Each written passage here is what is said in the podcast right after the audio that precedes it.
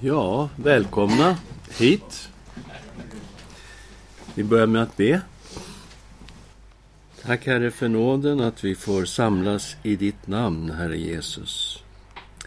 Tack för löftet att du är här. Gode Gud, fyll oss med din helige Ande. Rör vid oss och tala till oss, vi ber. I Jesu Kristi namn. Amen. Ja, det är andra gången nu som vi tar oss an psalm 8. Och vi läser igenom den så vi har den färskt i minnet. Herre, vår Herre, hur härligt är inte ditt namn över hela jorden. Du som satt ditt majestät på himlen. Av barns och spädbarns mun har du berett en makt för dina fienders skull för att förgöra fiende och hämnare. När jag ser din himmel, dina fingrars verk, månen och stjärnorna som du har skapat. Vad är då en människa att du tänker på henne? En människoson att du tar hand om honom.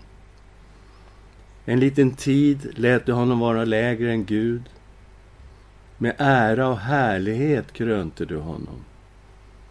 Du satte honom att härska över dina händers verk. Allt lade du under hans fötter. Alla får och oxar, liksom vildmarkens djur. Himlens fåglar och havets fiskar. Det som vandrar havens vägar. Herre, vår Herre, hur härligt är inte ditt namn över hela jorden. Och vi tittade ju på den här salmen förra gången. Den inleds och avslutas med exakt samma sats. Herre, vår Herre, hur härligt är inte ditt namn över hela jorden. I detta finns Guds fantastiska skapelse som liksom är omslutet av den här satsen. Och jag vill säga att Guds härlighet är uppenbarad i hans skapelse som är inrymd i de här två satserna. Ni ser också hur David, som har skrivit den här salmen lovprisar Herren att han är mycket större än skapelsen. Han är ju över allt detta som han har skapat. Ändå stannar han då inför detta med människan som man är förundrad över. Människan är som en liten prick på en liten prick i universum. Ändå, vad Gud har satt människan till att råda över den här skapelsen. Men det kommer också messianska saker in här, kommer vi att märka lite senare i studiet. I vers 6, med ära och härlighet krönte du honom. Du satte honom att härska över dina händers verk. Allt lade du under hans fötter. Om vi ska titta på det tredje bibelstället där det här är citerat i Nya testamentet. Och det är uppståndelsens kapitel, kapitel 15 av första Korinthierbrevet. Vi ska bara titta på ett segment av det här kapitlet. Här får vi lära oss att Kristus uppstod som den förste. Första Korinthierbrevet 15, 20-23. Paulus undervisade om uppståndelsen och sa att Kristus uppstod som förstlingen av de döda. Och då måste vi tänka lite, för han uppväckte ju människor från de döda och så vidare. Men det innebär att han var den förste som uppstod till ett oförgängligt evigt liv. Och Paulus sa att alla dör i Adam och alla ska göras levande i Kristus. Behöver också tänka, i den 22 versen står det liksom alla dör i Adam så ska också alla göras levande i Kristus. Vilka är alla? Är det alla ateister? Alla muslimer? Alla hinduer? Nej, i vers 23 lär vi oss att det är alla troende som menas här. Så här står det i vers 23. Men var och en i sin ordning. Kristus som förstlingen och därefter när han kommer, det som tillhör honom. Så det är alla troende som ska göras levande i Kristus. Och vi får se här att det är Kristus som regerar som en kung. Han sitter ju på Faderns högra sida. Och vi såg det här också förra gången när vi tittade i Efesiebrevet hur Paulus på något sätt kopplar ihop psalm 110, vers 1 med vår psalm här, psalm 8, vers 7. Om vi tittar på 110, vers 1 så står det ju Herren sa till min Herre Sätt dig på min högra sida tills jag lagt dina fiender som en pall under dina fötter. Och så tar Paulus slutet av vers 7. Allt lade du under hans fötter. Och man kan ju se med lätthet att de här två ställena passar väldigt bra ihop. Och vi sa förra gången att Paulus inte är så bekymrad över vad som står exakt i den bibelversen och i den bibelversen. Han är bekymrad över, är det här messianskt? Alltså, för lär vi någonting om Kristus här? Så han har inte haft något problem att baka ihop det här. Så att de liksom sitter, inte som ett citat, men ändå finns de ihop.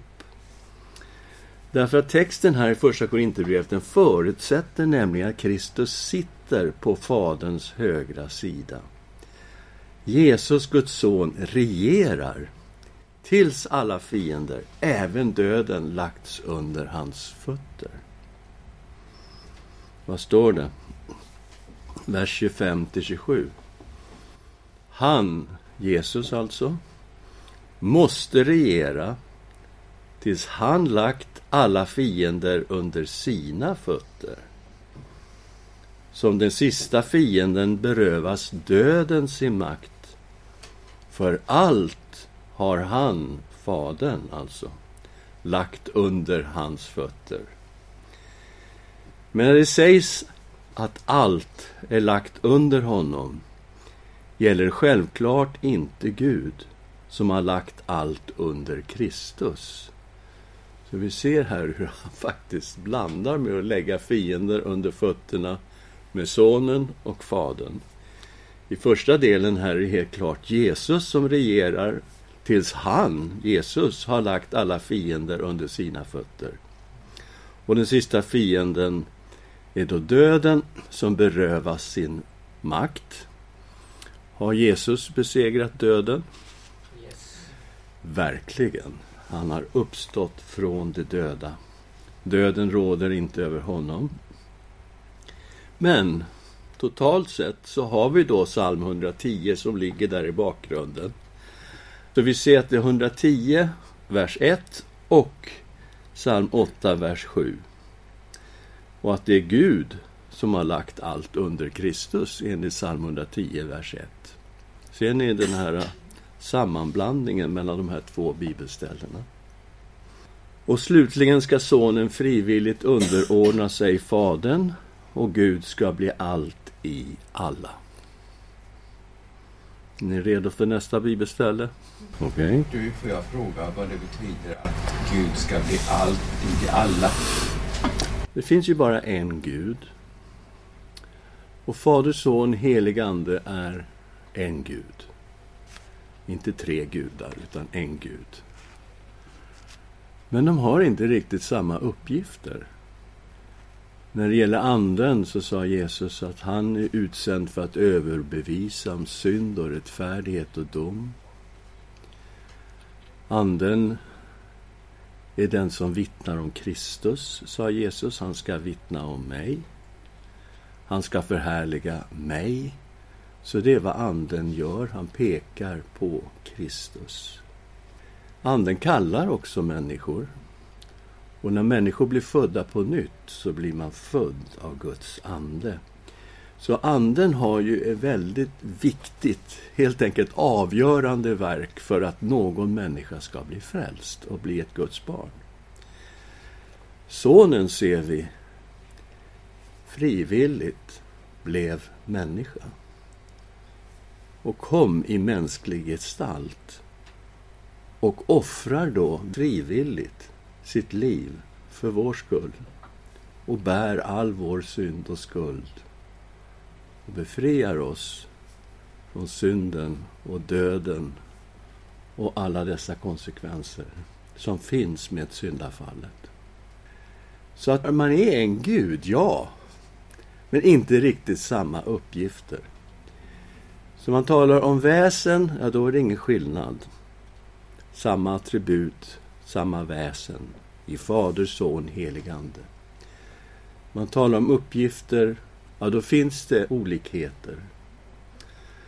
Och att Sonen ger sig under Fadern, tänker jag, det är liksom fullständigt alignment. Här finns alltså ingenting som sticker ut så att säga. Gud är en Gud och han är alltid alla.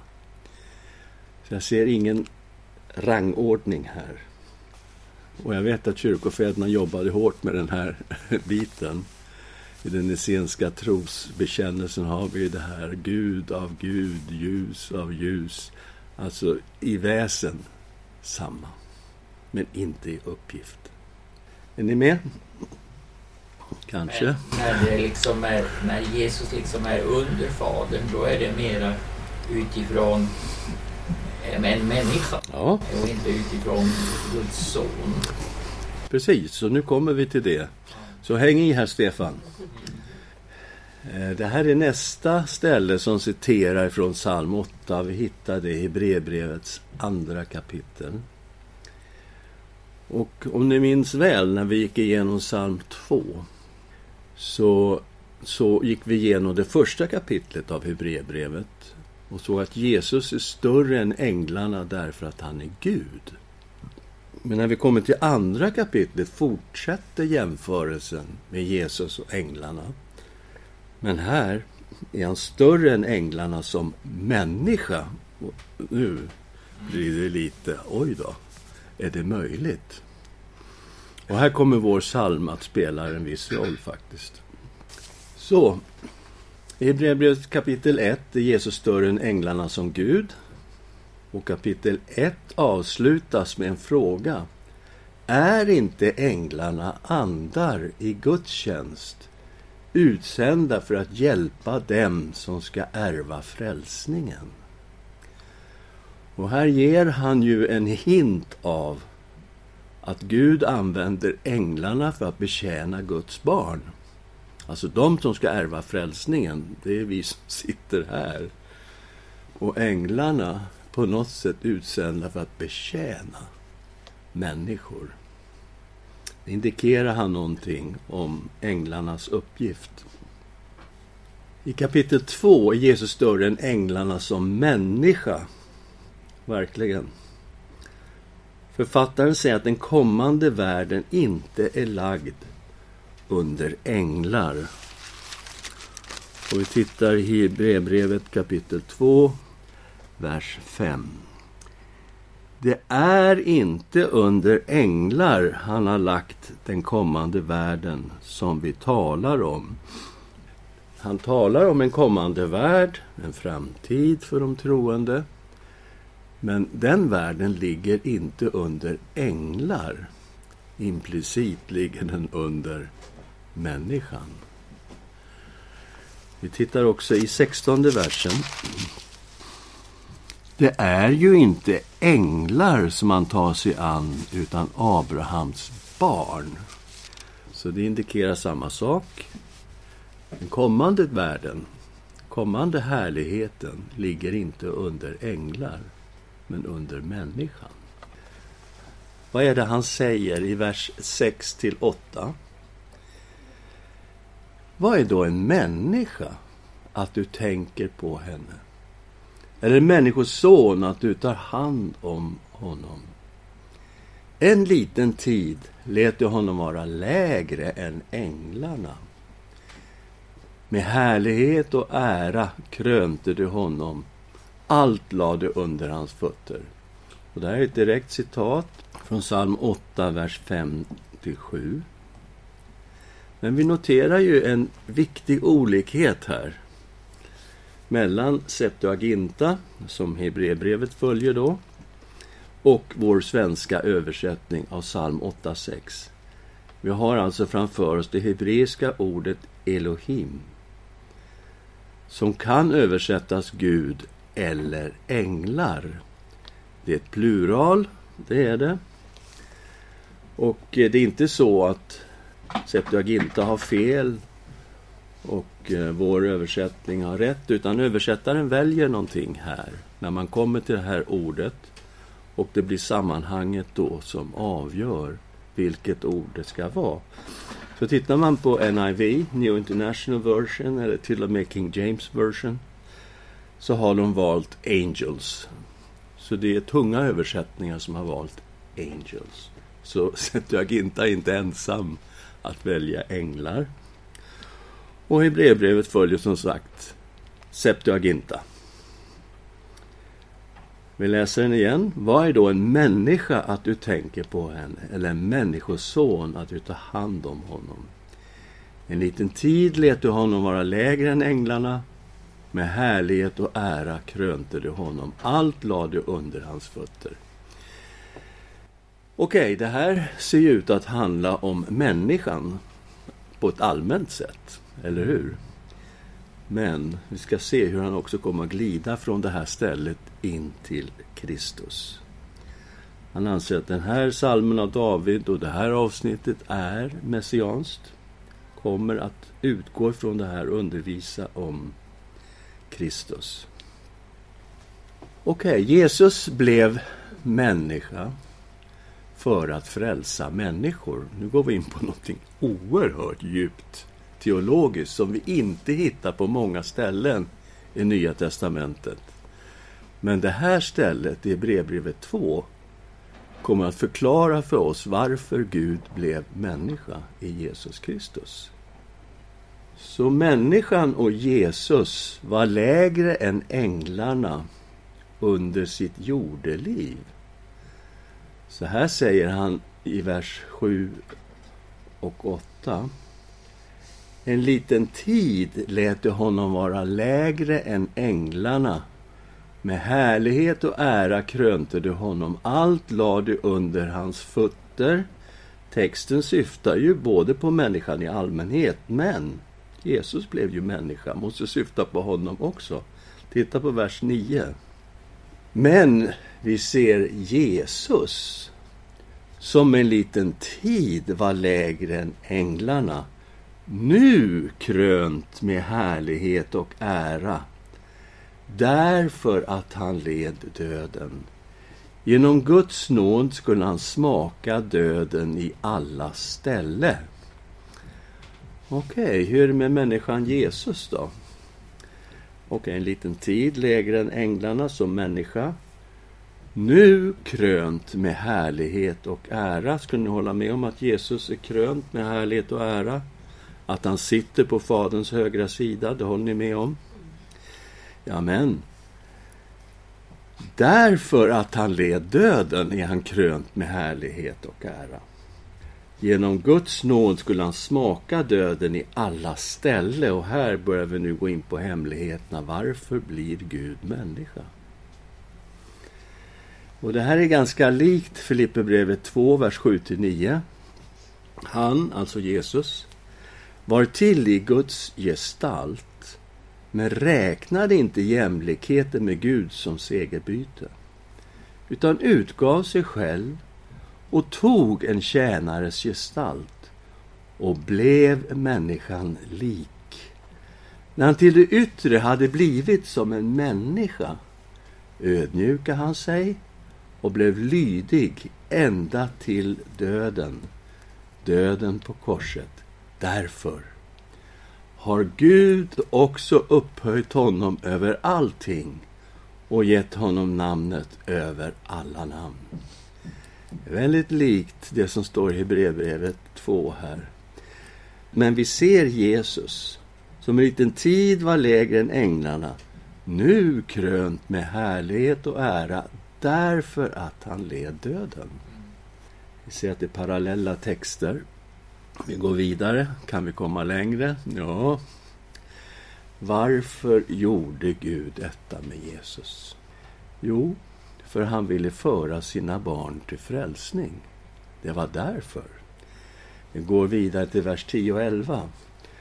För när Gud, för vilken och genom vilken allting är, skulle föra många söner till härlighet, måste han genom lidande fullkomna honom som för dem till frälsning. Jesus som helgar och det som helgas har alla en och samma far. Därför skäms han inte för att kalla dem bröder. När han säger jag ska förkunna ditt namn för mina bröder, mitt i församlingen ska jag lovsjunga dig. Han säger också jag ska förtrösta på honom och dessutom se, här är jag och barnen som Gud har gett mig. Så Gud vill föra sina barn till härlighet. Det är helt enkelt därför som Jesus blir människa. Och det måste ske genom lidande och korsdöd. Alltså det är hans offer det handlar om. För att kunna föra oss till härlighet. Vi tänker på härligheten där, psalm 8 finns med där. Ära och härlighet krönte du honom. Jesus samma sak, krönt med härlighet och ära. Men varför då? Jo, nu går det ännu djupare. Jesus måste bli människa för att besegra djävulen. Oj då. De första människorna besegrades av djävulen och vi skördade död. Jesus blev människa för att som människa besegra Satan, synden och döden. Så Adam och Eva representerade ju hela mänskligheten. Och deras fall fick konsekvenser för alla människor. Alla människor blev syndare. Syndens lön är döden. Döden kom att regera över hela mänskligheten, alltid lagt under förgängelsen. Det fick enorma konsekvenser.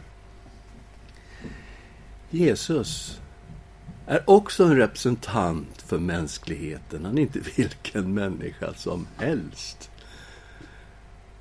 Och som människa skulle han besegra Satan, synden och döden.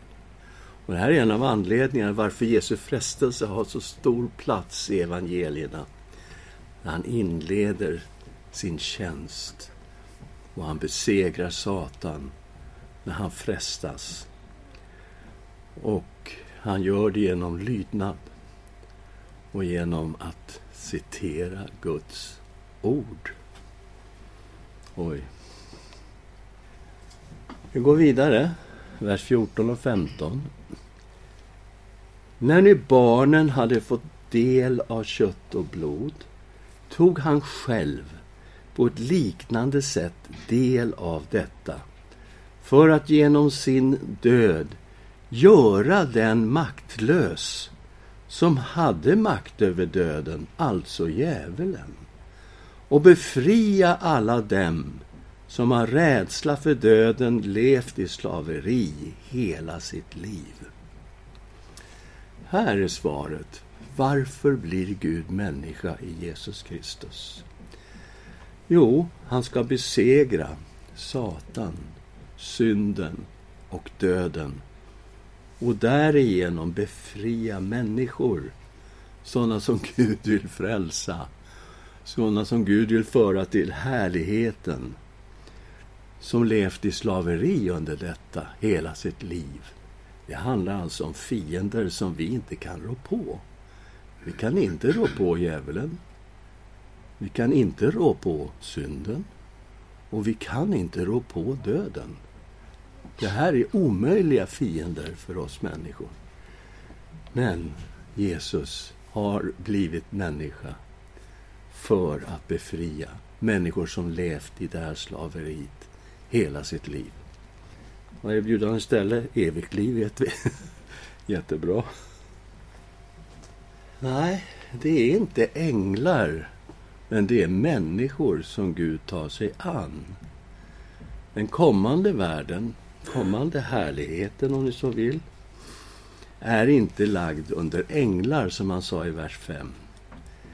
Men det är människor som Gud frälser och han frälser dem till härlighet genom Jesus Kristus.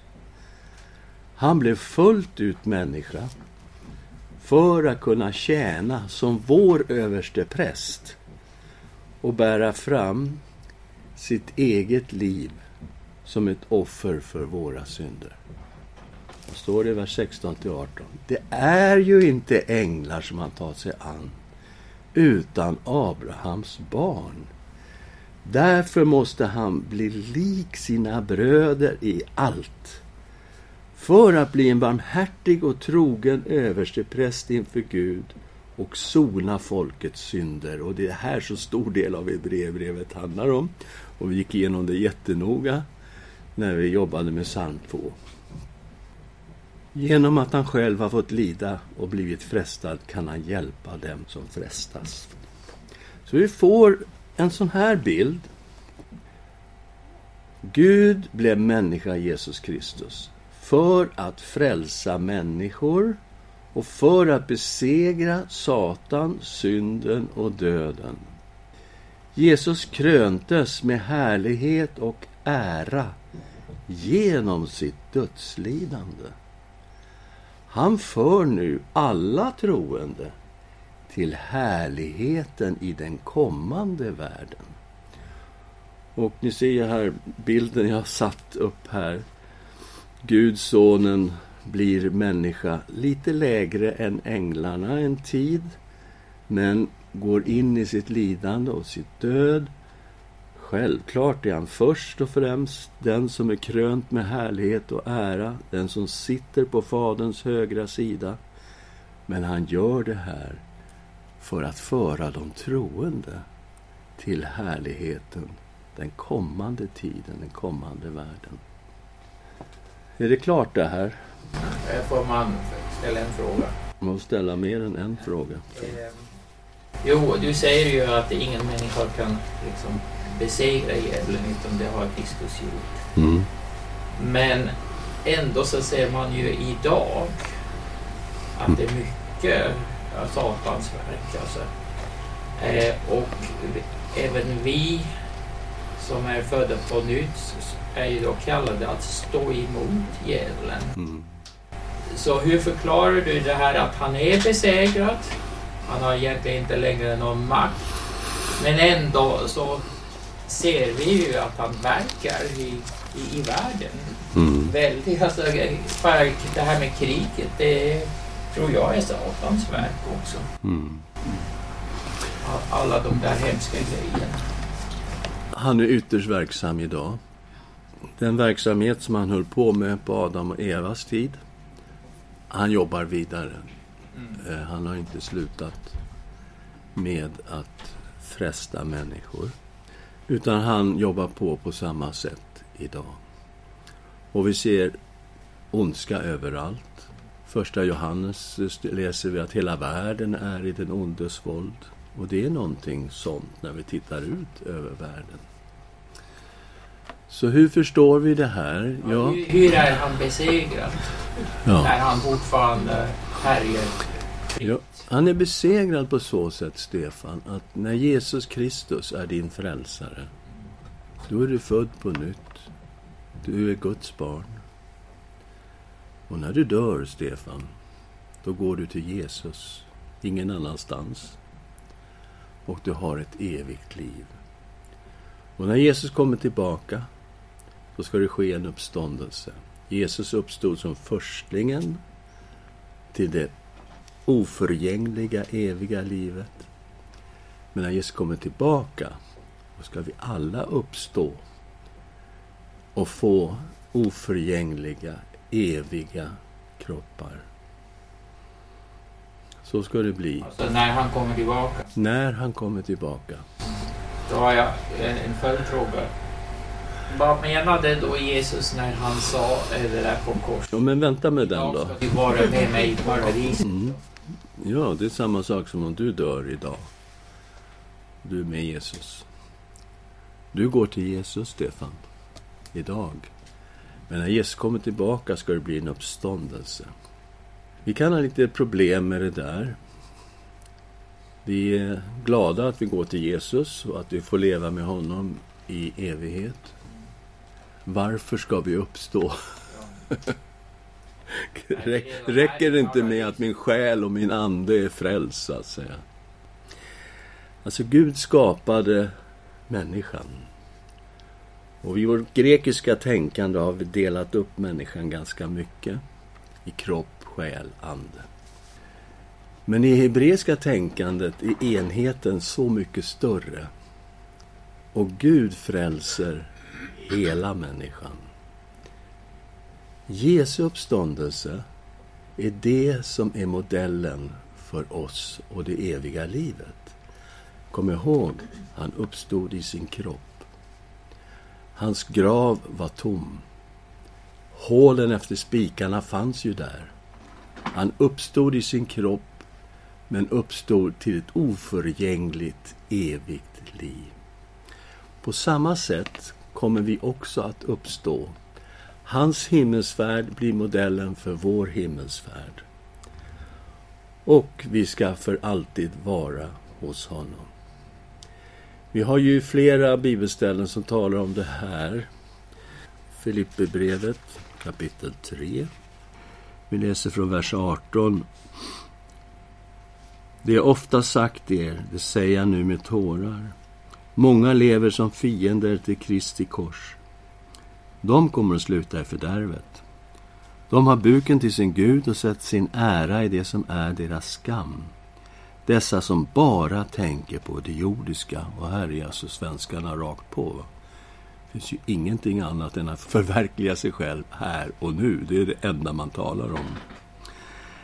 Men vi har vårt medborgarskap i himlen. Och därifrån väntar vi Herren Jesus Kristus som frälsare. Han ska förnya vår bräckliga kropp och göra den lik hans härlighetskropp. För han har makt att lägga allt under sig. Det är vad som sker med alla som lever och är troende när Jesus kommer tillbaka. Första Thessalonikerbrevet 4 svarar på vad händer med dem som har avsomnat. Ja, säger Paulus, de kommer att uppstå först. De kommer före oss som lever på jorden. Men vi ska alla få den här förhärligade kroppen och vi ska för alltid få vara hos Herren. När Gud frälser människan så frälser han alltså inte bara vår själ och vår ande. Han frälser hela människan, ande, själ och kropp. Och hur går det med djävulen? Det är någonting som kristna har brottats med ända från första tiden förstås. Uppenbarelseboken brottas med det här. Och vi ser att Gud kommer att döma. Han kommer att döma det onda. Han kommer också att döma människor. Guds domar går över mänskligheten i Uppenbarelseboken. Men 20 och 10 läser vi Och djävulen som hade förlett dem kastades i sjön av eld och svavel där också vilddjuret och den falske profeten är. Och det ska plågas dag och natt i evigheters evighet. Det kommer en tid när den onde inte längre kommer att härja omkring. Det säger Guds ord. Så Guds domar går också över djävulen. Ja, några mer tankar kring detta studium? Har jag uppfattat det rätt att när vi kommer, alltså vi dör och så kommer vi till paradiset. Ja. Då är det liksom själen och anden. Mm. Och sen långt, långt senare blir det Mm. även kroppen. När Jesus kommer tillbaka. Är, är det rätt uppfattat? Ja, det är precis som vi läste, Stefan, i Första Korinthierbrevet 15, vers 23. Va? Ja, men vi läser vers 22 och 3. Liksom alla dör i Adam ska också alla göras levande i Kristus, men var och en i sin ordning. Och nu kommer ordningen.